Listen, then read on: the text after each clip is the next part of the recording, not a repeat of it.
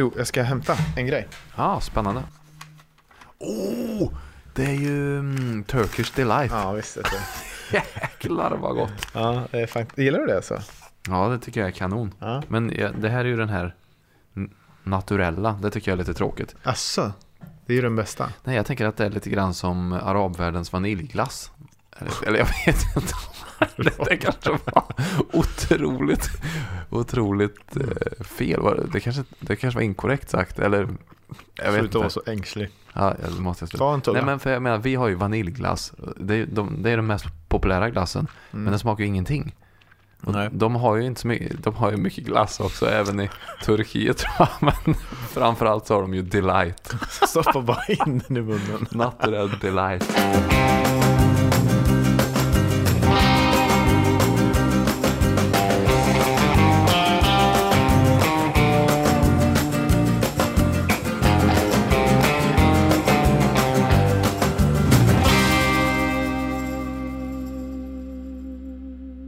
Förra veckans avsnitt har levt kvar väldigt mycket i mig. Jag vet inte hur det var med dig, men när vi hade Agnes Wold på besök. Ja, ja, nej men det var ju ögonöppnande på så otroligt många plan. Men det konstiga är att trots att vi hade både hört och läst och pratat om det hon sa tidigare så är det ändå som att man, man kommer på sig själv med att man har liksom inte bottnat i den nya insikten. Alltså man har fortfarande levt kvar i de gamla mönstren då av handsprit och eh, damm och smuts och så kokningar och nappflaskor. Ja, men man har lidit av eh, bäst att ta det säkra före det osäkra sjukan helt enkelt. Men det är ju ingenting mot de reaktioner som har fått. Eh, You unleashed the fucking fury alltså. Ja, eller...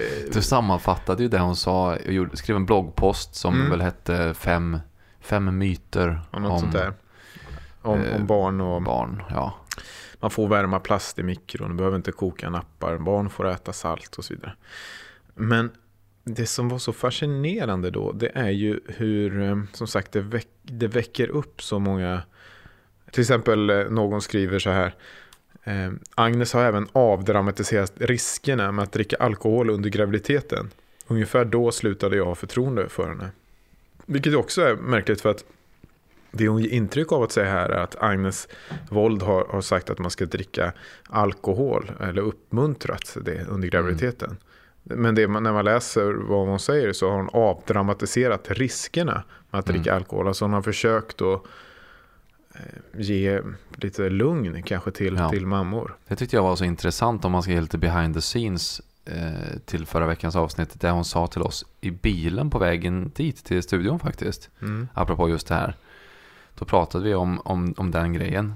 Alltså det finns så många mammor och pappor som får kanske barn med eh, bokstavskombinationer eller allmän koncentrationssvårigheter under skolåren eller liksom problembeteenden som de då beskyller sig själva för. För att det finns så otroligt mycket skam kring de här grejerna. Att kanske liksom, Ja, att, att de råkade dricka några glas vin innan de visste att de var med barn. Mm. Eftersom att det är så domedagskänsla kring de här frågorna. Mm. Så, så, så har man massa människor som går omkring och mår så jäkla illa. Mm. Och, och, och, och beskyller sig själva. Upplever då att de har gjort så mycket fel. Mm. Men det är väl det som hon egentligen vill rikta in sig på.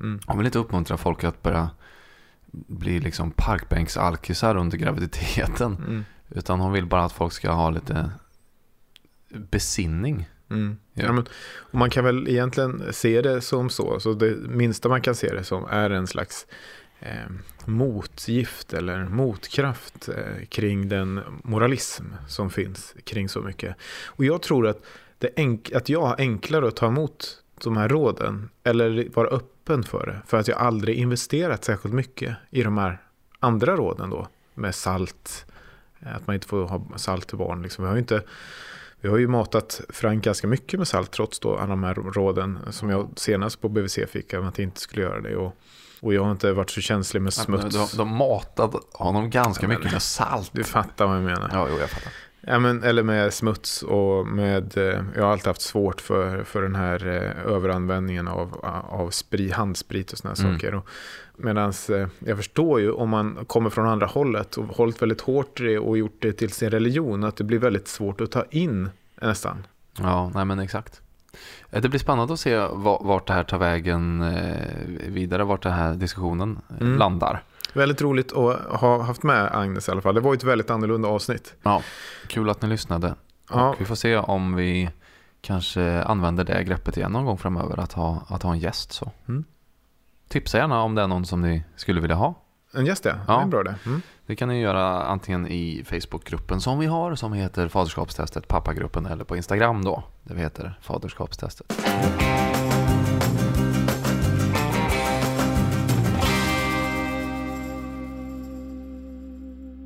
Vi har ju inte setts på en hel vecka du och jag. Nej, precis.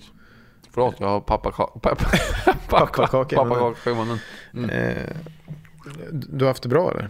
Mm, jag har bakat pepparkakor bland annat. Har du det? Och lussebullar. Mm. Och... ehm, Varit på ja, någon pappahelg? Ja, ensam?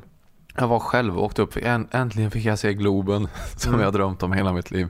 Och dessutom eh, se en kompis som eh, framträdde där och fyllde upp hela skiten med fullt, fullt med folk alltså, som hyllade svensk reggae. Det var Det här är så mycket. otroligt. Jag vet inte vad man kallar det här. Det är inte humble brag. Det är liksom eh, brag eh, om min vän. Kompis som fyllde Globen. Ja men, Ja, vadå, du får ju säga vad- vem det är. Kapten Röd. Ja, just det. Är du kompis Oh, yeah. med Kapten Röd där? Ja, det är fint. Men skitsamma, hur har din vecka varit? Jo, men den, har, den har varit ganska speciell faktiskt. För att, um, vad är vi uppe i nu? Hur många veckor? Vi har kört 14 avsnitt eller någonting, va? 15. Mm. Snart fyra månader då. Nej gud, ja det är det faktiskt. Och det här är första veckan som jag inte är ensam pappaledig. Utan Julia har tagit ledigt också, min fru. Eh, Så vi har varit lediga ihop. Det är ju en helt annan sak kan man säga.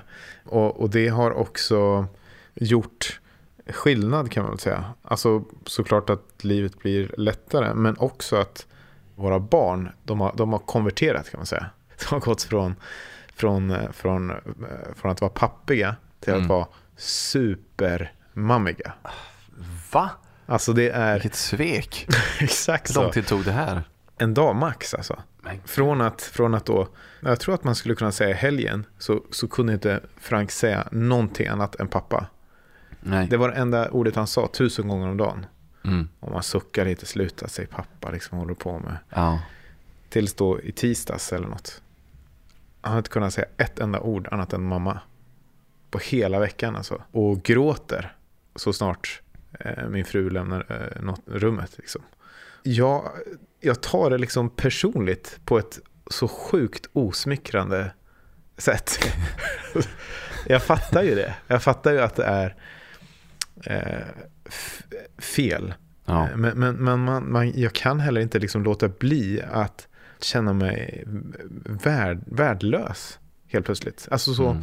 som att de här fyra eller många månaderna är liksom att all den tid som man investerat då i att vara hemma och försöka vara närvarande och göra de här testen inte var eh, värt något. Att det räckte med på något sätt eh, några dagar. Att det liksom inte går att tävla. Med, med, min, med min fru. Och, och det är inte så att, att Julia gör någonting fel, det ska vi verkligen vara tydliga med. Hon är ju en, en fantastisk eh, mamma och otroligt duktig med, med barn och tycker det är roligt att sitta hemma och rulla boll. Alltså, hon, har inget problem med att, att det inte är aktiviteter till exempel. Då. Mm. Bara det att hon kan använda sakerna i rummet. Som Mm. jag, jag, jag kan liksom inte se alla de här sakerna vi har köpt och leksakerna alltihopa, vad det ska användas till. Jag kan inte fantisera ihop grejer man kan göra. Medan vi är hemma nu tillsammans så jag var den här gåvagnen och hon har satt Frank i gåvagnen och Billy kör runt med Frank i gåvagnen. Genidrag. De älskar det. Mm. Det är gulligt, det är sött. Frank, han vill inte lämna gåvagnen, han tycker det är så roligt. Billy älskar att kunna köra. Jag hade aldrig kommit på det. Går runt som apor i sitt eget hem och lyfter på olika saker. Ja. Nej, men jag, jag, det där relaterar jag till väldigt starkt. Alltså. Eh, vi har ju stora eh, enorma lådor med leksaker. Jag har inte öppnat dem på fyra månader. Jag har inte plockat ut en enda leksak för att jag tycker det känns meningslöst. Hon, jag får- väl någon slev och sitter väl med den. Eller hon går och tar en toapappersrulle. Det är ju kanon det. Ja. Ja, men- men, nej, men du har helt rätt. Ja, men det värsta är ju då att, att det, det motbevisas, eller för, i mitt fall Ja, har det precis. motbevisats. Och det är där som jag bara vill känna, liksom, jag vill bara kasta in handduken och bara säga skitsamma, var hemma du Julia istället. Så kan jag liksom fokusera på, på den världen där jag uppskattas. Där Mm. jag inte byts ut där efter två dagar på något sätt. Och särskilt tydligt blev det den här veckan också för att eftersom Julia var hemma så kunde jag jobba lite då. Så att jag var ju uppe i Umeå i, i fredags och gjorde ett jobb och träffade massa roliga människor och, och det gick Vilka då? svin. Var det någon kompis eller? Jag säger, var det någon? Vad var det? Var det? Janne eller? Säg nu. Du Ja, tog vad fan taxi där med någon va?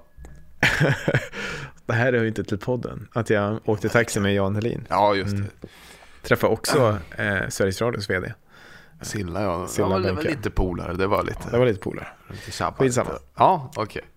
Ja, men Och, och, och det gick jättebra och, och det var superroligt. Jag, jag är liksom eh, väldigt, väldigt bra på det jag gör och känner mig uppfylld av Mm. hur bra jag är på det jag gör. För det var så länge sedan jag också gjorde det. Ja.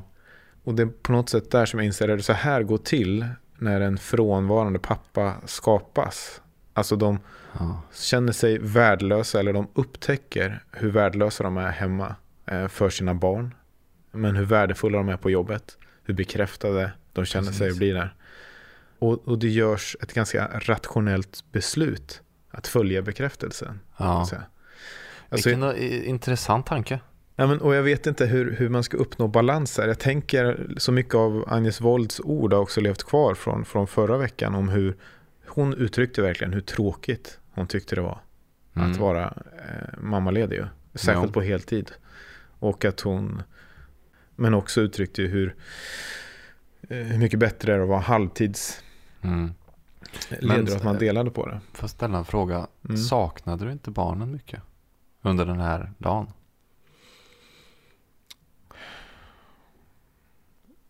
Nej, jag kan inte säga att jag... Jag visste ju att jag skulle träffa dem på kvällen. Det var inte så att jag gick Mm. runt med ett st- sti- sting av Ja, det är klart. varför är de inte här. Jag hade ju upp, massa upplevelser hela tiden där. Mm.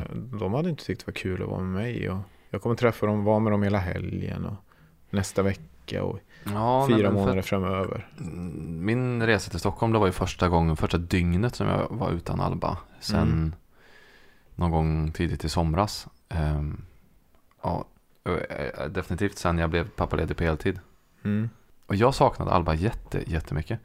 Men det var nog kanske för att jag visste att det var en natt, övernattning också och så. Mm. Att jag visste att jag kommer inte få träffa henne innan jag går och lägger mig liksom. Och det där gör ju dig till en väldigt fin eh, människa. Nej, nej, jag, jo, nej, jag, men, och jag menar inte det ironiskt. nej. För att jag, jag, men jag känner ju eh, så, att det gör ju dig till en mycket vackrare pappa. För jag känner ju inte det om jag har en övernattning. Jag går inte runt och tänker på det. Vad jobbigt att jag inte får pussa mina barn godnatt. Eller, jag tänker bara vad gött att jag får en hel natts sömn. Och ska Ja. jag njuta här och göra något som jag inte kan göra annars. Det tänkte ju jag också. Alltså de grejerna. Ja, men det trumfar i alla Ehm. fall de känslorna till en grad att jag knappt Mm. tänker på dem. Och där känner jag, känner mig ju snarare som en psykopatfarsa. Förstår Ja. du? Som har, har jag så långt till de känslorna. Ja, men det tycker jag inte att du ska känna. Utan det är väl modigt att, att lägga upp de känslorna på köksbordet här liksom. Ja, Och, det är ju väldigt intressant att du lyfter möjligheten att ja, det här kanske är ett problematiskt beteende på sätt och vis. Ja men det är det ju. Jag- Jag vill ju liksom komma ifrån det. Och Jag, menar, jag argumenterar ju med Agnes kring det här med halvtid och så. Alltså att, och jag funderar ju nu, argumenterar rätt eller fel? Liksom om, jag, om jag jobbar emot mig själv, min natur på något sätt. Alltså, för jag vill ju vara en pappa som, som liksom leker, kan se leksakerna i rummet, förstå vad man ska Mm. använda dem till och vara kreativ kring det. Liksom släppa och hänföras på något sätt i allt det här. Men det händer liksom en på 20 gånger Mm. för mig att jag, att jag är den. I övrig tid är jag ganska dålig på att lyckas bryta igenom det här. Mm. Och, och jag har haft så lång tid också på mig att öva nu. Och det var ju det jag argumenterade för. Att, att jag tror att man behöver avsätta en längre tid Ja, i livet. För att marineras i det. Och, Marine, exakt ja. Och, och investera sig själv i det och göra det viktigt för sig själv kanske. Alltså Mm. påminna om att det här är ingen bisyssla som du kan göra på halvtid liksom. Utan skala av så mycket som möjligt av det andra och bara fokusera på själva pappa-identiteten. Ja. Ska man acceptera att man är så här? Ska man försöka hitta en annan balans som sagt? Kommer det finnas andra faser senare i livet kan jag också fundera kring. Alltså där, där mitt faderskap eller mitt sätt att vara pappa liksom kommer få en tydligare funktion kommer att liksom blomma ut eh, på ett annat sätt. Ja. Alltså det finns ju vissa som Agnes till exempel då, som blir referenspunkten som vi träffade henne förra veckan här nu då, som berättar att hon inte är en småbarnsperson, eller vad, vad kallar hon det? Hon var inte barnkär på det sättet. Nej, och det där kan jag ju relatera till, alltså att man, man har lättare att relatera till barn i olika åldrar och sådär. En del älskar ju bebisstadiet, andra älskar Jo, men precis. Jag har vänner som också har sagt att jag, jag tyckte inte det var något kul de första tre åren. Nej. Jag tycker det är helt underbart nu. Mm. Eh, Men jag kan, jag kan stå för det att jag tyckte det var piss alltså, de första Mm. åren. Så, alltså, det, den erfarenheten finns ju där ute, absolut. Men jag tänker så här att eh, nu har du noterat en upplevelse hos dig själv Mm. som, som du tyckte var läskig på något sätt. Eller ehm, alarmerande. Mm. Jag, och jag har ju sett dig på nära håll som pappa de Mm. senaste fyra månaderna. Vi har ju umgåtts mer än vad jag umgåtts med någon annan under den här tiden. Mm. Jag vet ju att du är en fantastisk pappa. Mm. Jag vet att du är en makalös eh, förebild för både Billy och Frank. Och också att du kompletterar eh, Julia. Mm. Du står inte ut med att vara här hemma. För att eh, du vet inte hur någonting ska användas här.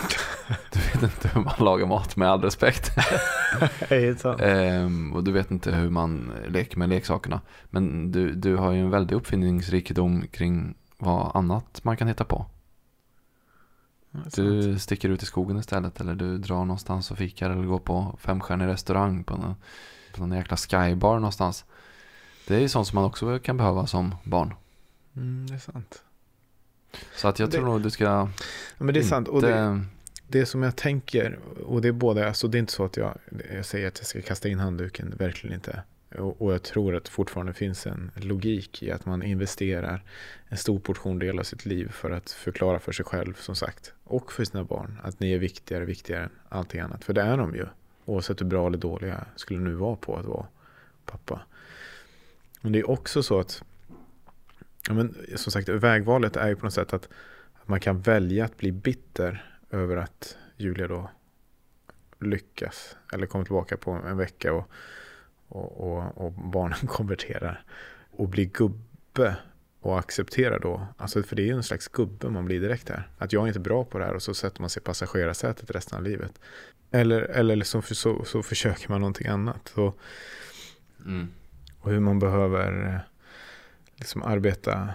Men när man väl gör det och kanske går in i insikten mer av att vi är ett lag med olika egenskaper, så som du egentligen formulerade Rasmus, så kan det ju förhoppningsvis bli någonting bli starkare. Vilket egentligen, nu när jag tänker på den här dagen som har varit idag, har varit ett starkt bevis på. Vi har haft en jättebra dag tillsammans där vi har varit ute och handlat julklappar och eh, haft det jättefint som familj. Kanske finare än på väldigt länge. Och det är kanske där vi landar då. Att man kan, jag kan verkligen förstå och se hur så många pappor inom mig har kanske känt att de varit inne och testat och inte fått den utdelningen som de hoppats på och Mm. kastat in handduken och hängett sig till det som bekräftar dem. Men att, att loppet inte avgörs här, liksom, utan på en, på en annan distans eller något, jag vet inte. Mm. Eller så är det ingen idrott alls överhuvudtaget utan man är en fri teatergrupp som håller på att sätta upp en, en makalös föreställning bara. Man befinner sig i någon form av kollationeringsstadie nu. Man håller på att läsa manus och förbereder sig själva och sen kommer genrepet sen under tonåren och så. Sen är det premiär. Eller så är det ingen premiär överhuvudtaget, det är bara en fri teatergrupp som ses varje vecka, olika övningar. Ja men egentligen, ja.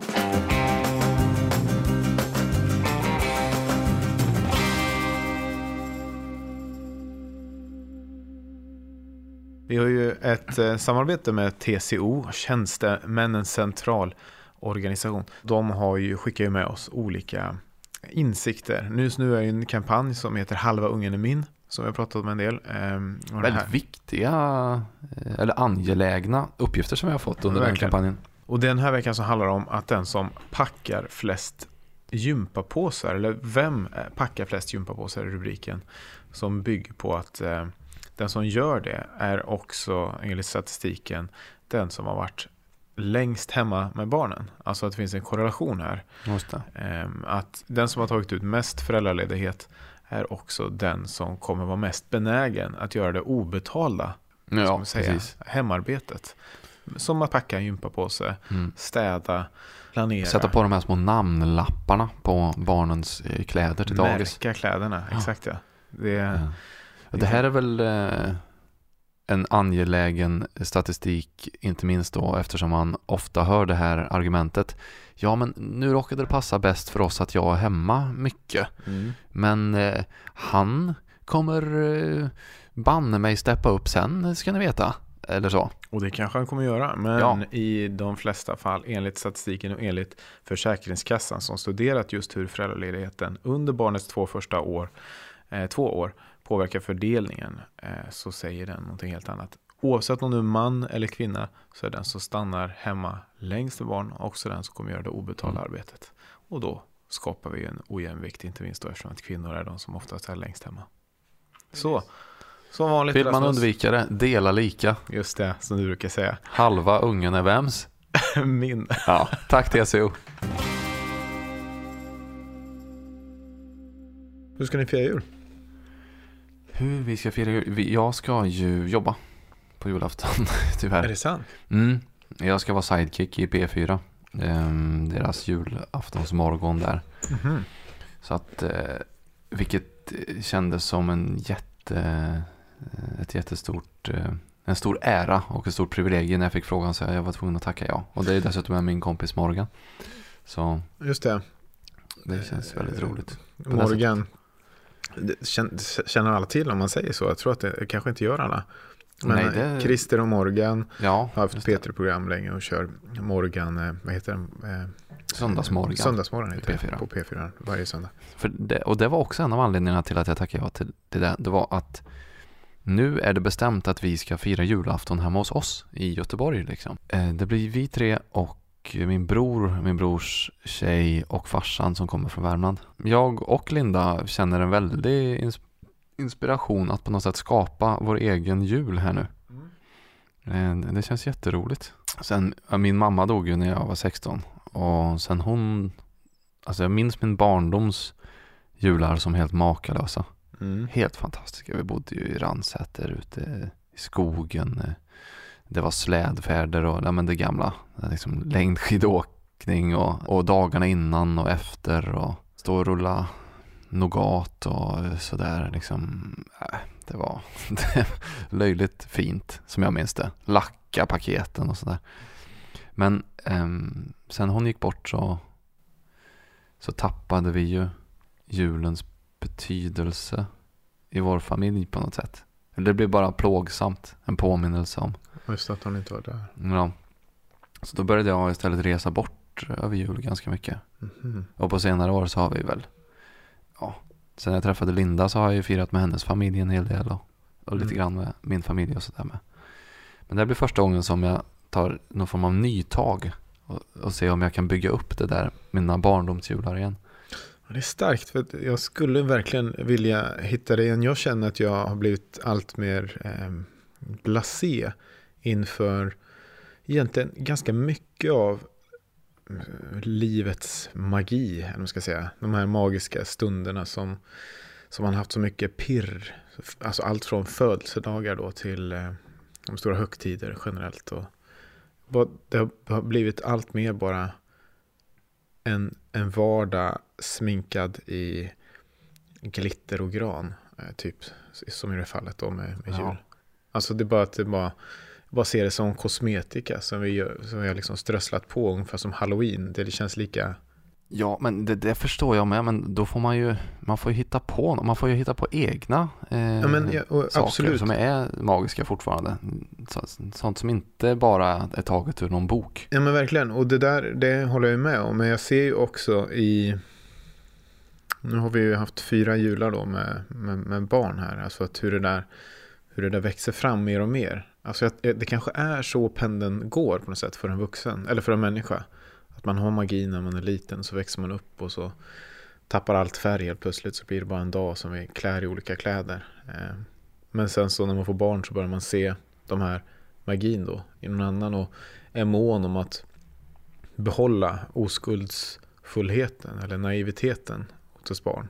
Och spela med i spelet och i det skådespel som de här högtiderna och stora stunderna har. Just för att de ska få uppleva det man själv en gång upplevde och kanske längtar tillbaka till. Ju.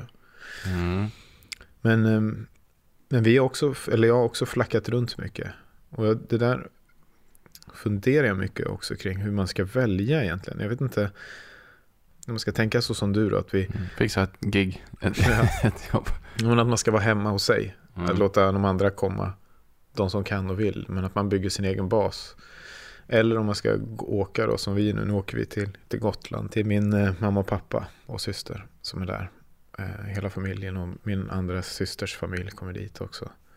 Vi firar ju varje julafton på Frälsningsarmén. Jag är uppväxt i Frälsningsarmén med massa andra ensamma eh, familjer eller personer. Eller sådana som bara vill dela sitt julfirande. Det är ju jättefint alltså. Stort med 100-150 pers kanske någonting då, som firar. Och det är ju det jag växt upp med, ett slags delat julfirande. Det har varit väldigt fint för att det har varit en manifestation av att dela med sig. Men det har också funnits den andra sidan att, att det inte fanns någonting eh, intimt bara för, för familjen. Eller jag kan inte avgöra om vad som är det bästa att göra helt enkelt. Jag kan inte riktigt se linjen av vilka traditioner som man och jag ska skapa för, för mina barn. Nej. Det här är din andra, ditt andra år nu då? Mm, ja, precis. Känner du, känner du igen de här tankarna ens? Alltså, har du tänkt på det? Att du, ja. vad du behöver ja. skapa? Jag har nog inte problematiserat det så, så mycket utan jag tänker mer att det, det, det är en skitrolig, det är verkligen ett blankt ark för mig alltså. Mm -hmm. Nu kan man, här kan vi hitta på precis vad vi vill. Vi kan, i år så har vi här en giraff, som en liten julgiraff här utanför som vi har med. En flygande julgiraff som kommer att lämna paket här i, i vas, julvasen så måste man, måste man ha en liten ceremoni där kring jul. Alltså, sån, det ser jag fram emot. Att bara hitta på mm. eh, flippade grejer. Jag bodde i Barcelona mm. eh, ett år. De har ju den absolut knasigaste traditionen där. Och jag, jag tror det har verkligen färgat mig. För det, det är så konstigt. Vilket då? Eh, de firar ju Kagatio. Är du bekant, bekant med Kagatio? det betyder ungefär farbror bajs. Uh-huh. Och farbror Bajs, det är en, en, en, en farbror uh-huh. som ofta avbildas med röd toppluva. Mm. Och hukande då med byxorna nere och en stor hög med avföringen, en sån riktig baskemössa som ligger på, på marken va. Ja. Osande. Den här ska man då ställa in i bredvid Jesuskrubban. Sant? I den här födelsescenen som, ja. är, som är så populär i krubban. Ja, ja, så att det är väl förmodligen de enda, alltså rent kulturellt i världen tror jag, som bara hittat på en egen, en egen person där. Det står ingenstans i Bibeln att farbror Bajs satt bakom Jesusbarnet va, va? Vadå? Ja, men här det kommer de tre vise männen och så farbror Bajs där också. alltså, ja, men, eh, men det är ingen sen, utbredd? Eller jo, jo, att alla gör det? Alla. Eh, de har en stor parad för, för farbror Bajs i, någon gång i mitten av december. Det är en enorm staty av, av den här. Eh, jag måste googla, av, vad sa du att den hette? Kaga 10. Eh, men eh, du kommer också få upp väldigt mycket bilder på vedträn där. För att det, det, det är nästa eh, ja. steg i den här traditionen. Det är då att alla barn ja. Får ett vedträ i början av december. Det är som deras adventskalender lite grann. Och det här vedträet kallar också, kallas också för kagatio. Det är målad mun och, och målade ögon och en liten näsa på vedträet. Och vedträet läggs då i, om man har en öppen eld så, eller öppen spis så kan det läggas där annars i ett hörn eller så. Så lägger man över en filt Och sen under hela december så ska de här barnen gulla så mycket med sitt vedträ som möjligt. Så klappa och smeka och kela med det. Och Det är bilder på det. Det säga va, snälla eh, fina komplimanger och även mata lite så va, kan man göra. Mm. Sen, om det nu är, vilken dag det är, om det är 18 december eller vad det är. Så, då är det dags va.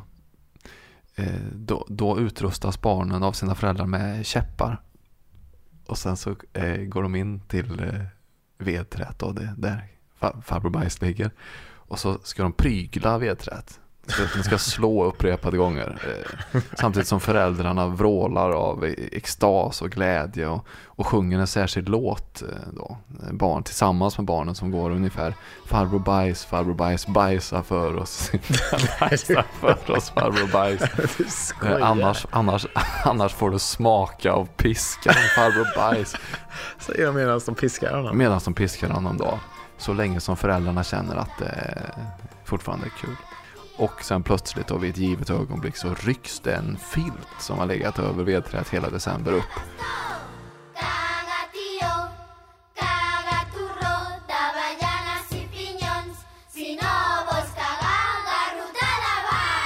Och där har vi det. Chokladen. Som. Chokladen som, som barnen då får, girigt får smaska i sig. Det här är det sjukaste. Kan du tänka dig bara hur det här gick till när någon spånar Visst, fram ja. det här? Jag, om det blir det sista jag gör, så ska jag se till att vår familj firar tio alltså. Det är så jäkla konstigt. Jag tycker det är lite härligt att ha någon sån här flippad, absurd Mm. grej med, med julen. Det här är ju ett klockrent faderskapstest. Det är klart att det här är ju det vi ska göra. Vi släpper det här nu då på fredag, det är ju flera dagar. K- Kaga tio. Nej, jag menar inte det. Att du ska, vi ska... Att du vi ska göra på, på Nej. Frälsningsarmén. på Svårt för dig att för- föreslå det. Jag in kan bara spela upp i det. den här krubban. Vad va, va, va, är det här? Så förklarade du. Jo, det är faktiskt en tradition. En katalansk tradition. Ja, jag förstår. Mm. Jag ska hålla tyst. Ja, men det skulle inte passa sig. Men jag Nej, tänker ändå att vi... Att, ehm, för, att, för att det är ju någonting väldigt fint som händer när man väl bygger upp de här traditionerna. Ju. Jag menar, vår, advent här nu, jag har kommit in så mycket i magin som jag trodde att jag aldrig skulle uppleva igen. Bara för att vi går upp i mörkret och tänder ljus i adventsljusstakarna och så vidare. Så att man Mm. hittar rutiner i, för att bygga, hypa sin jul, hitta sin magi igen. Ja, Och det är det vi ska göra ju. Det behöver inte vara farbror bajs då specifikt. nej. Men om det är någonting som du går igång på, om Ja. det är någonting som bygger din magi, så Mm. tycker jag att du ska göra det. Men, men det här är ju ett test ju. Det här tror jag tänker att det är nu man har chansen, när de är så här unga, när de inte påverkar det. I synnerhet ni då som ska vara hemma hos er. Det ska ja, inte det vi vara. Det är nu man präglar. Det är nu vi präglar, det är nu vi ska skapa någonting. Få vad som helst. Det kan vara någonting så banalt som gå upp tidigt och laga bröd, eh, baka bröd. Så Mm. att alla vaknade upp. Det en kompis som gjorde. ehm, som gick upp och för att det skulle vara en sån doft i, i huset när man vaknar på julafton. Kan vara Farbror bröd. farbror bröd. Någonting annat. Man får helt, jag, jag har Ja. tänkt lite på det inför nu också. Mm. Att jag har inte kommit på något bra, men jag har ju en stund på mig nu innan julafton då. Mm. Någonting på julafton ska det vara. Någonting som, vi bör, som börjar, en trend som börjar sättas nu och som Mm. kommer leva med dig och våra, våra barn då resten av livet. Det behöver inte vara samma sak, ska det inte vara. Det ska vara någonting Jag gillar det här mycket. Du- Jag ser att du börjar mycket. tänka redan. Ja, eh, ja, verkligen. Jag vill att det ska vara något eh, som, det behöver inte nödvändigtvis vara eh, liksom det här magiska och det positiva heller. Alltså jag tänker på, Man får bestämma själv. jag har, jag har en gammal kompis som hade en svinstor släkt uppe i Dalarna. Mm. Och de hade den där som tradition att de alltid sågs hela släkten. Mm. 50 pers på julafton. Och så skulle alla köpa med sig en fin present. Mm. Mm, En, tänkte de då, en dyr present. Och, Mm. eh, och sen så lades det på ett stort bord. Och sen så hade de eh, lotteri då. Eh, Där en lott drogs. Och den personen fick allt. Ja, men det är en klassisk. Den har jag faktiskt... Är det klassiskt Ja, eller För att klassisk, men jag det har var ju hört om något det helt flera. fruktan. Det var ju små barn. Det som gick lottlösa. Ja, Det de har väl fått presenter innan. Det Nej, här nej. är. Och, Nej, va? nej. De fick inget. det låter ju brutalt i och för sig. Det var en gammal tanta som fick liksom alla All- juicepressar. Ja, jo. Men något sånt brutalt, det hade varit härligt också. Ja. Ja, vi köper det. vi- Det, det här är här är faderskapstestet. Mer om detta nästa vecka. Toppen. Lycka till. Detsamma.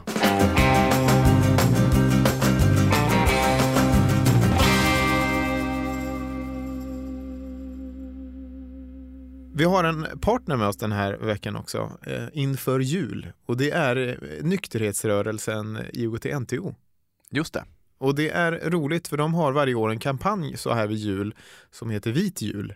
Eh, som går ut på att du behöver inte säga nej till alkohol hela året men under själva julen så kanske du kan ha en vit jul och se att det är barnens högtid.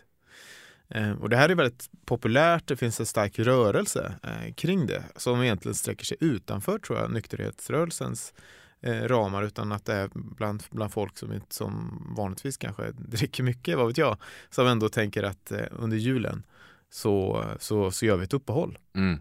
Och jag tänkte att vi kunde ta oss an det. Alltså göra det som ett faderskapstest. Vi har ju ett redan den här veckan då, men att vi lägger det här ovanpå och, och gör ett test att, att vi också ska ha det. Uff. Du vet att jag, jag har precis, precis varit och handlat så goda viner, italienska viner, flaskor, flera flaskor som, som, eh, som jag hade tänkt avnjuta då på julafton. Ja, Vad jobbigt det kändes helt plötsligt, men sam, alltså men, men, men det är ju bara, alltså jag, jag, jag har ju sett den här kampanjen många år, ja. varje år. Mm. Så jag, jag håller ju med. Gör Det är ju barnens högtid. Det är ju rimligt att man, att man håller sig nykter just Mm. då. Mm. I mitt fall då så är det ju eh, jag ska fira jul på Frälsningsarmén eh, på, på Gotland med mina föräldrar. Det kommer att vara ett helnyktert evenemang. Det, det är ingen big deal här. Men jag vet ju att du, du sa ju också precis innan att du hade varit på systemet. Och, Ja, eh, ja men som tror jag majoriteten av eh, vuxna julfirare där ute. ja. Att man gör det veckan innan. Alltså, bullar upp och det är glögg och det är kanske en liten nubbe och så vidare och så vidare. Men skulle du kunna ta dig an det här uppdraget? För det blir ju egentligen du som får göra det här och det blir ju nästan mer Ja. spännande för mig, jag på att säga också. Ja, det, ja men det är väl klart. ja, Då blir ju jag då som någon form av, eh, ja men du vet som en valobservatör fast någon form av nykterhetsobservatör eller berusningsobservatör på julafton. eh, hur, hur kommer det tas emot tror du? Ja, vissa, ja nej men de kommer nog vara glada att ha chaufför.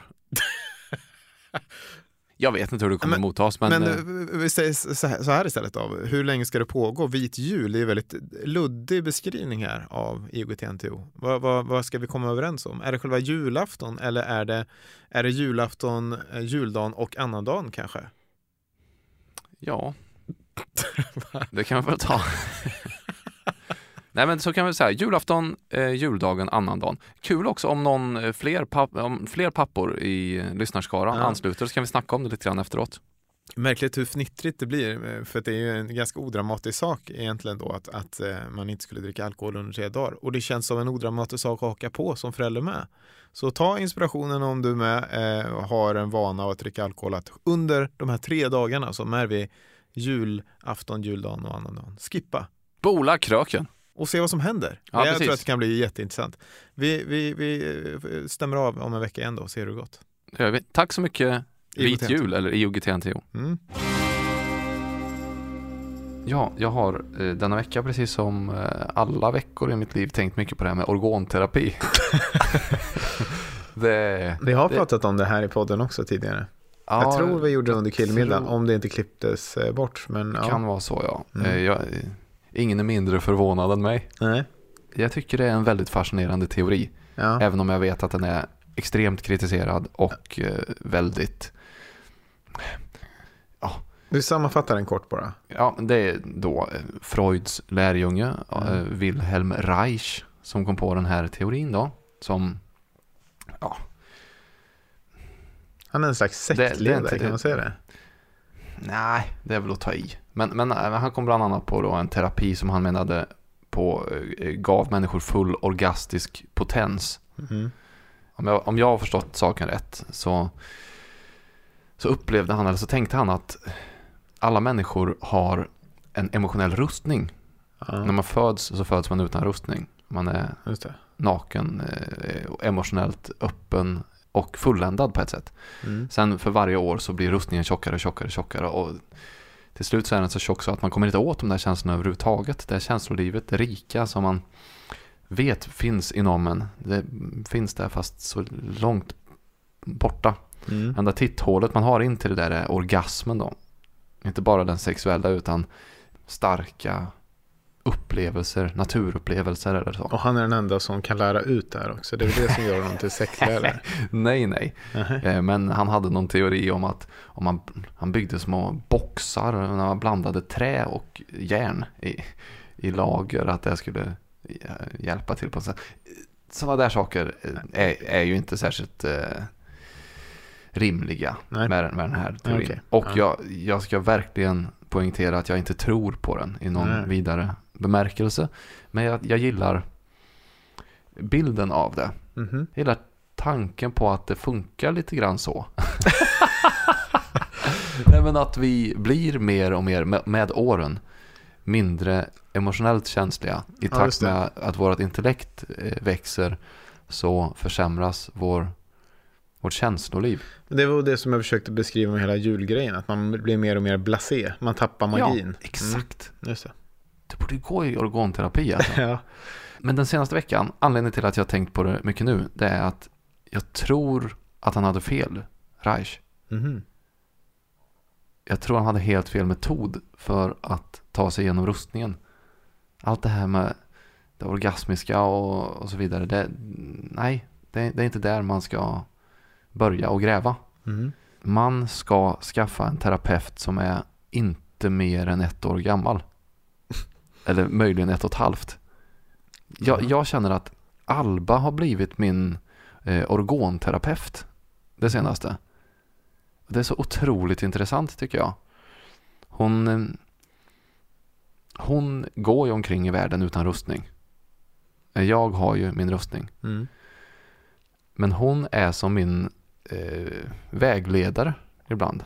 Emotionellt. Jag jag har börjat se det så. Att jag vägleder henne intellektuellt och med, med min ja, med min vuxenhet och mitt eh, ansvarstänk och mitt trygghetstänk och ja, du ska ju naturligtvis ha kläder på dig när vi går ut. Det är inget snack om saken. Sådana, saker får jag ju ta ansvar för. Ja. Men hon kan ju se på mig då och i hennes blick så kan jag förstå att hon säger Ja, du ska inte ha den här rustningen på dig när du går ut. Den ska du ta av du. För att hon är så em- emotionellt med liksom. Ja. Så fulländad. Mm. Och så har jag då börjat skriva upp de tillfällena då jag känner att hon har lyckats. Hon har tagit mig genom rustningen och tagit mig tillbaks till känslo epicentret på något Mm. sätt. Det här tycker jag är intressant. Jag har då tre tillfällen som jag Mhm. tänkte dra för dig. Mm. Bara- mm, Bara för att det är lite, ja jag vet inte varför. Ja, Okej, ja berätta. Den första eh, gången då, min första notering. Det är eh, nere på Majvallen. Mm. Här, det, vi brukar träna. Mm. Eh, Jag tar med Alba två eh, månader i veckan. Vi går ner. Och hon är med på fotbollsträningen som vi har där då. Mm. Och då har hon ju, alltså hon har ju overall som jag köpt. Som är ganska styv. Under overallen så har hon en fleece-overall som hon också har. Och Mm. under fleece-overallen så har hon en body och eh, eh, sweatpants. Ja. Eh, hon har sockar. Hon har stora kängor. Hon har stora vantar som är liksom närmast omöjliga att eh, få in tummen i tummen. Så, Ja. att, så att hon har ingen som helst greppmöjlighet. Och hon har halsduk och hon har mössa då va? och även en luva ovanpå mössan. Ja. Så hon är ju så otroligt begränsad. Men Mm. ändå så tultar hon omkring på gräsmattan. Vaggar fram och tillbaks och fram och tillbaks. Och så hände det då för ett tag sedan hur jag studerade henne när hon, när hon gick sådär. Mm. Och så plötsligt så stannar hon till. Och så står hon och väger liksom på mellan tår och, och häl fram och tillbaks. Och jag ser att hon är helt lugn. Mm. Men samtidigt så ser jag hur det, det spelar i ansiktet på henne, massa impulser. Hon vet inte riktigt vad det här är för något. Jag fattar, jag fattar att det är nytt för henne det här. Hon försöker förstå den här världen. Det är så varmt inne hos henne i eh, alla de här lagren av tyg. Men det är så kallt utomhus. Liksom. Hon känner kylan i ansiktet fast känner samtidigt värmen. och Då är det som att jag minns själv hur det var. Att vara osäker men så otroligt trygg på samma gång. Att vara så trygg som man kan bli. Alltså så, hon, ja, hon vet ju att pappa står bakom mig. Det är lugnt. Mm. Jag är safe här men samtidigt så är den här platsen som vi bor på helt, ja, den, den, den är fruktansvärt eh, brutal på något sätt. På samma gång. Mm. Men jag mindes i alla fall själv då hur, hur jag också hade stått och vaggat i en bävernylon. Och bara försökt fatta vad är det här? Vad är den här världen egentligen? Vad är det meningen att jag ska göra här? Mm. Liksom. Nästa situation. Smörgåsrån med Mm. smör på. Det, det här har jag börjat med nu va? Mm. Att Mm. eh, hon gillar smörgåsrån. Kleta på massa smör. Hon har inte varit något stort eh, fan av det, Alba direkt. Mm. Tills ett specifikt ögonblick då. Ganska nyligen. Det var också ett par veckor sedan ungefär. Då poletten trillade ner och jag var med när, när det hände. Hur hon tog upp den här, eh, det här rånet med allt smör på. Och bara bestämde sig för att äh, vi, vi, vi testar och vi tar och slickar lite på det här får vi se. Eh, och hennes lilla tunga då hur, det, hur den undersöker den här skrovliga ytan av rånet. De här små fickorna som finns och de här små gångarna nästan som finns och hennes tungspets glider då för, i jakt på girigt efter en överblivet smör och som kanske gömmer sig i någon av de här fickorna och hon blir helt besatt av det här och vill ha mer och mer smör, mer smör. Och då minns jag hur det, hur det var.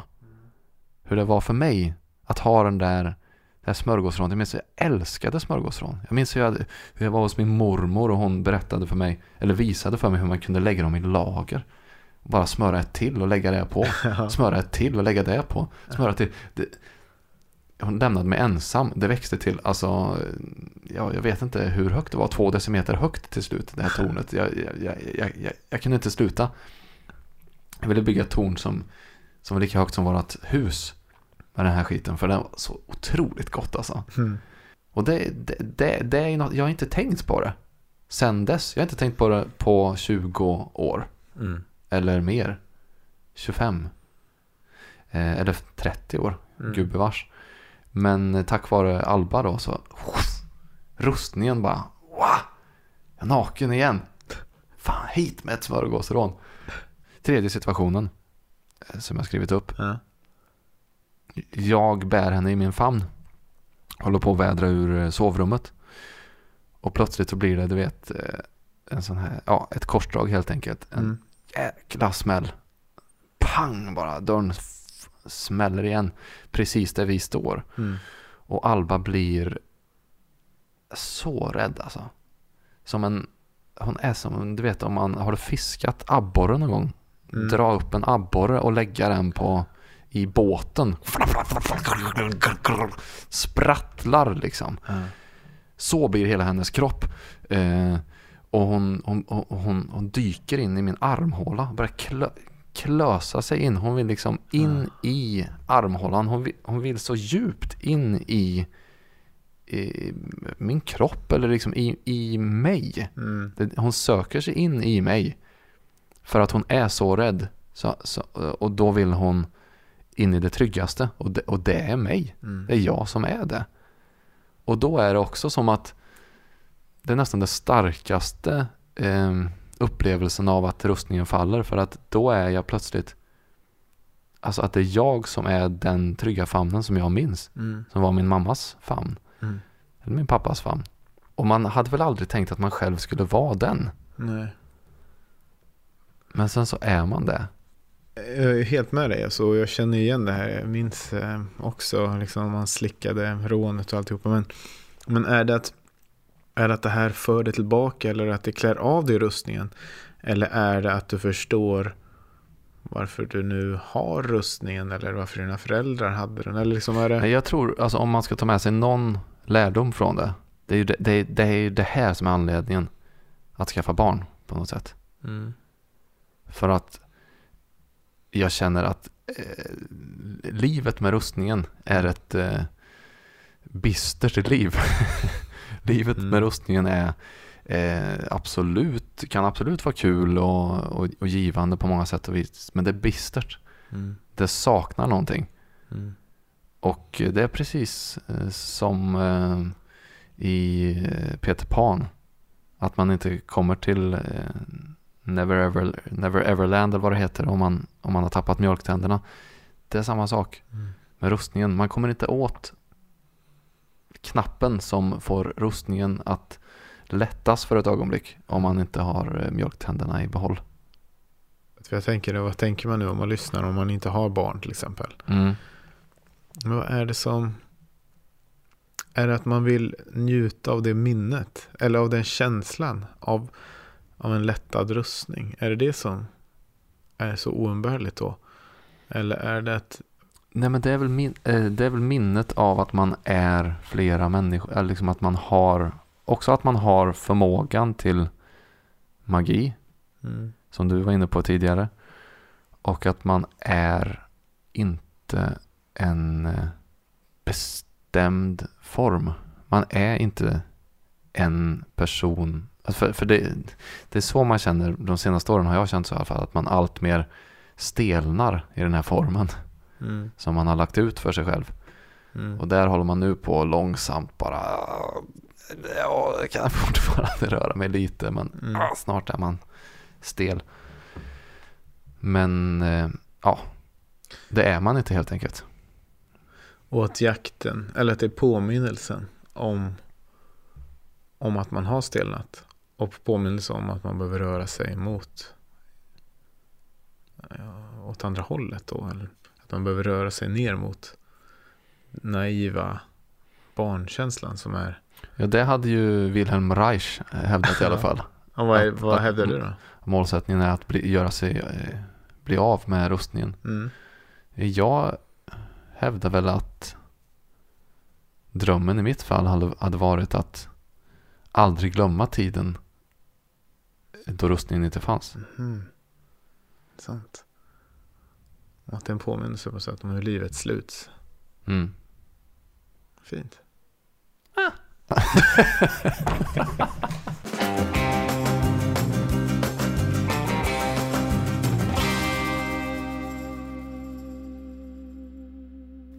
Vi har faktiskt lite bonusmaterial också idag innan vi slår igen butiken.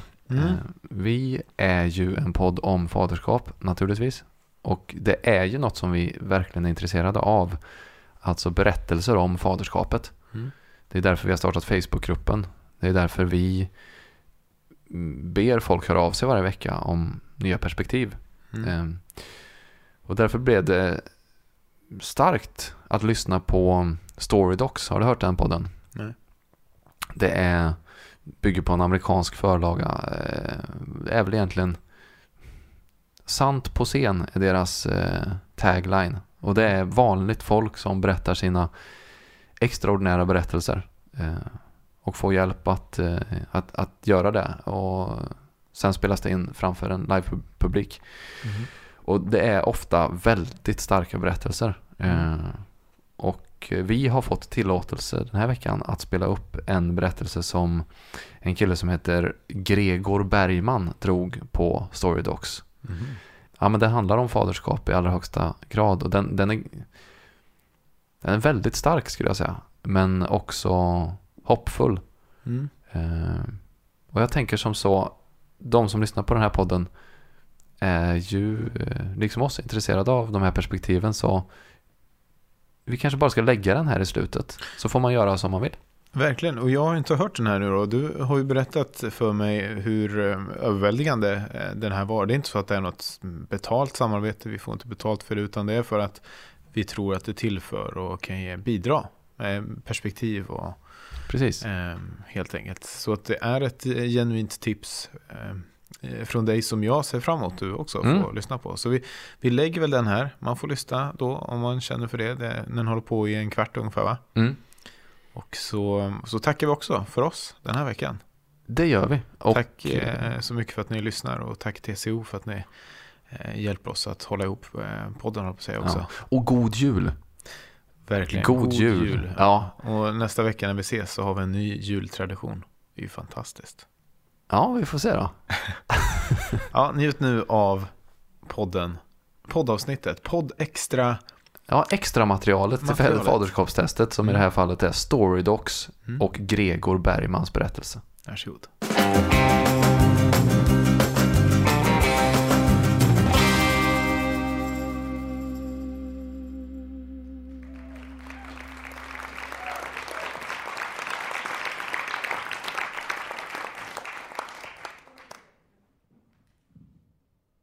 Mirabelle var nästan två år gammal. Hon, eh, hon la sitt huvud på sne och så la hon sitt öra mot en trätratt som var tryckt mot mamma Minas stora gravida mage. Hon lyssnade efter lillebror Bilbos hjärtslag där inne. Hjärtat gonk, gonk, sa Mirabelle. Senare gick vi över Västerbron. Det blåste en tidig höstvind. Och eh, solen glittrade i, på Riddarfjärden. Mirabelle ville mata Bilbo med grillkorv och Festis. Några veckor senare var det dags. Förlossningen satte igång. Det blev en, eh, en bra förlossning.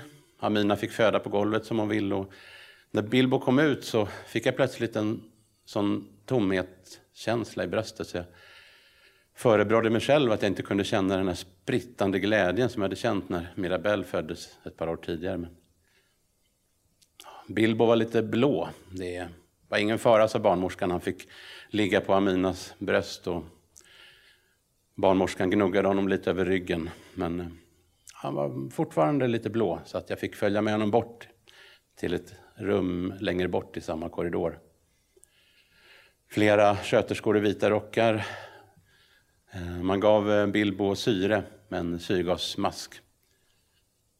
Men han var fortfarande blå. Jag minns en av sköterskorna som ringde efter en läkare och jag hörde på hennes röst att det var något som inte stod rätt till. En stund senare gick jag bredvid Bilbo. Man hade lagt honom i en kuvös en trappa ner. Hans ögon var slutna men så för en kort sekund så slog han upp sina ögon som att våra blickar möttes för en kort sekund. Man gjorde ultraljud på Bilbos hjärta. Någonting var uppenbarligen inte som det skulle. Jag frågade en läkare vad som var på gång och jag fick inget svar för han ville inte oroa mig i onödan. Ja, eh, när man beslutade att Bilbo skulle skickas med ambulans till Astrid Lindgrens barnsjukhus. Men just den här dagen så var det en praktikant i ambulansen. Så jag fick inte åka med. Man beställde en färdtjänsttaxi till mig. Och jag stod och väntade på den både länge och väl. Och när taxin kom så inser jag att man har glömt att beställa enkelresa. Så att eh, efter en stund så sitter jag bredvid en 80-årig gubbe i taxin på väg till hans hus i Danderyd. Ja, eh, jag kommer ihåg stora Danderydsvillor och knotiga tallar som passerar revy utanför taxins fönster. Ja, till slut så kommer jag fram till sjukhuset. Jag rusar in, jag möts av en doktor i en vit rock som tar mig i hand och säger hej, det är jag som ska operera din son. Ja, operera, tänkte jag. Placerades i ett eh, litet övermöblerat väntrum. Två soffor, tre stolar och ett bord och jag försökte lösa sudoku. Det gick, gick inte så bra. En sköterska kom in och stack in huvudet och sa att allt skulle gå bra, fast jag visste ju att hon hade fel. Min fru kom dit så småningom, ledsagad av en barnmorska. Vi skrevs in på en avdelning på Astrid Lindgrens barnsjukhus. Ett eh, smutsigt rum med kala vita väggar och en lysrörslampa. Titthålsoperationen som skulle ha räddat livet tillfälligt på Bilbo eh, brukade ta 20 minuter men den hade dragit ut på tiden nu och en timme hade gått. Och en timme blev två timmar. Och vi försökte skapa lite mänsklig värme på vårt lilla rum och la en, ett nattlinne över lysrörslampan och vi ville tända några värmeljus men det var förbjudet. Det skulle finnas mat i kylskåpet för jag hade blivit hungrig som vanligt men den såg ingen god ut så jag beställde hämtpizza. Efter fyra timmars väntan fick vi äntligen komma ner till doktorn. Vi kom in i hans rum och i jämförelse med vårt rum så var det ju ett paradis. Det var fint möblerat med ett stort mahognyskrivbord och mattor på golvet och ganska mysig belysning. Vi fick slå oss ner i varsin stol och doktorn berättade att um, operationen hade misslyckats. Men att Bilbo fortfarande levde. Man hade fångat upp honom i sista sekund. Och nu hade han eh, dropp. Hans eh, vänsterkammare, hjärtat, fanns nästan inte alls och en klaff som skulle varit öppen under fostertiden hade varit stängd. Och hans lungor var underutvecklade och doktorn sa att han hade små, små chanser att leva mer än bara ett par år. Doktorn sa till mig och Amin att eh, vi fick bestämma om vi ville gå vidare, låta flyga ner Bilbo till Lund samma kväll och göra en riktig hjärtoperation eller, ja, eller avsluta den dagen. Jag och Amina tittade på varandra och på något sätt så var vi väldigt överens om vårt beslut. Senare samma eftermiddag så lyckades vi till slut ta mod till oss och gå in i rummet där Bilbo fanns. Han var kopplad till en massa slangar och apparater och det pep och blinkade. Och min fru som satt i rullstol och fick hålla Bilbo, han låg på en kudde. Senare samma kväll hade vi fått hjälp att koppla bort all livsuppehållande utrustning. Alla apparater var borta. Det var bara jag, min fru och Bilbo som låg på en kudde mellan oss. Vi höll hans händer och så en liten monitor som visade på Bilbos puls. Läkaren hade sagt att han nog inte skulle klara mer än fem minuter när man hade kopplat bort allt som höll honom vid liv. Men, men Bilbo var stark. Han, eh, hans puls var lite som havets dyningar som mattades av. Men sen så fick han liv i sig igen och bestämde sig för att leva en stund till. Och så gick pulsen ner och sen så bestämde han sig för att leva en stund till. Han höll ut en hel timme. Till och med in på nästa dygn levde han.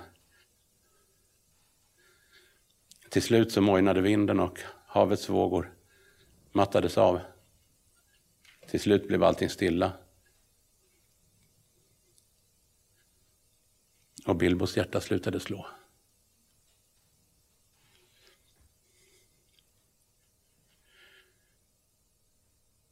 Vi fick träffa Bilbo tre dagar efter att han hade gått bort i tysta rummet längst upp i Astrid Lindgrens barnsjukhus. Ett, ett stort rum med marmorgolv och mycket ljus från fönstren. Där hade man bäddat ner Bilbo i en liten hem, himmelsäng med ljusblå sängkläder och mycket kärlek och omsorg.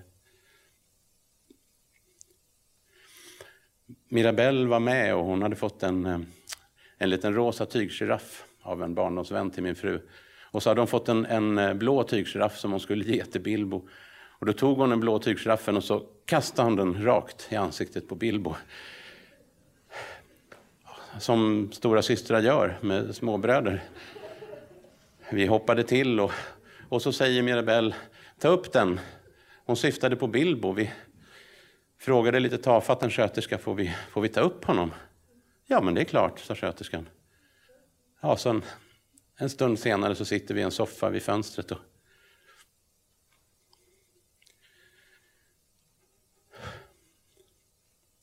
Utanför så har man bilarna på motorvägen. Vardagslivets puls där ute. Där inne sitter vi med vår döde son i våra armar. Men den här eh, skräcken inför döden och rädslan som vi hade känt nyss, den, den var plötsligt som bortblåst och kvar fanns det bara en känsla av, av ro och frid där vi fick sitta med honom. Dagen efter hade vi med oss en randig pyjamas med små skidåkare på, som vi klädde honom med. Vi tog farväl då, men sen eh, några veckor senare så var det dags för begravning. Vi kom tillbaks till sjukhuset fast i ett annat rum. Man hade lagt Bilbo i den lilla vita kistan som vi hade beställt. Med viss bävan öppnade vi kistlocket för att se efter att han verkligen låg där. Och, han, såg, eh, han såg nästan ännu friskare ut då än förra gången. Han hade rosiga kinder och den lilla giraffen låg där Det var en liten filt. Vi tog de här eh, färgglada barnbokstäverna ni vet som man brukar sätta på barnens dörrar som han skulle haft på sin dörr. De, de fick han ha på sin kista istället. Och så stängde vi kistlocket och la in honom i bakluckan på bilen. Och så på väg till, till begravningen på Skogskyrkogården så åker vi mitt i Stockholms rusningstrafik på Centralbron där i vår svarta Toyota. Och jag sitter och kör och Amina sitter bredvid mig och Mirabelle i baksätet på, med bilbarnstol och så Bilbo i bakluckan i kistan. Och, så får jag plötsligt en, en känsla av glädje över att vi är en tvåbarnsfamilj. Så här kan det kännas att vara en tvåbarnsfamilj. Vi kommer fram, begravningsgudstjänsten. Vi har bjudit in alla släktingar och vänner är där. Vi, Mirabelle är med förstås, jag bär henne i famnen. Vi sjunger Lille katt. Och sen går vi en kilometer från Hoppets kapell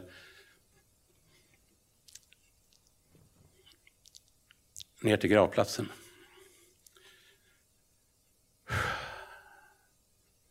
Och jag bär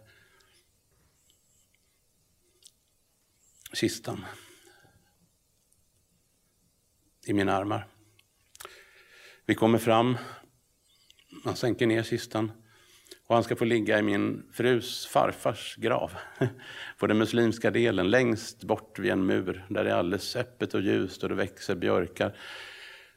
Tillsammans med farfar ska han få ligga.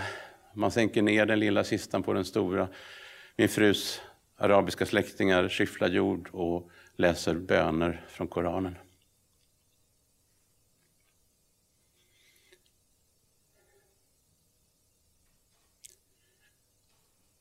Vi hade inte varit där på nästan två år, men så ehm, häromveckan så lyckades vi äntligen ta oss dit igen till Bilbos gravplats. Ja, vi har blivit en stor familj nu. Mirabelle har fyllt 14. Och Theodor är nästan 11. Han, han var så tjock när han föddes. Så att man visste att han inte skulle dö.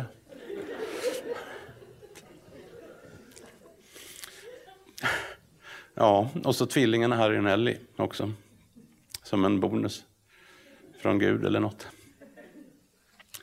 Ja, och så den här dagen så har eh, Hussein, som precis har fyllt 18 och fått uppehållstillstånd i Sverige, som kommer från Afghanistan, fick följa med för första gången, för han är också en del av familjen.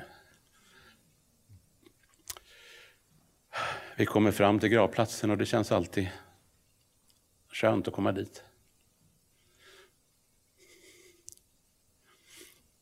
Gravstenen som kommer uppifrån min farfars gamla kalkbrott som vi hittade där och som ja, vi ser att den behöver, den behöver renoveras och fixas till och den har blivit sliten och det har växt mossa. Men man kan fortfarande se namnet så tydligt. Nabil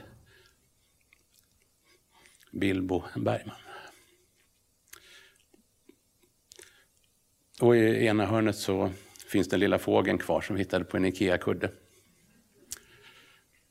Och så visade det sig att eh, bölbol på arabiska betyder näktergal. Det tyckte vi var roligt. Vi har tagit med oss ljung och eh, gravljus förstås. Vi planterar kall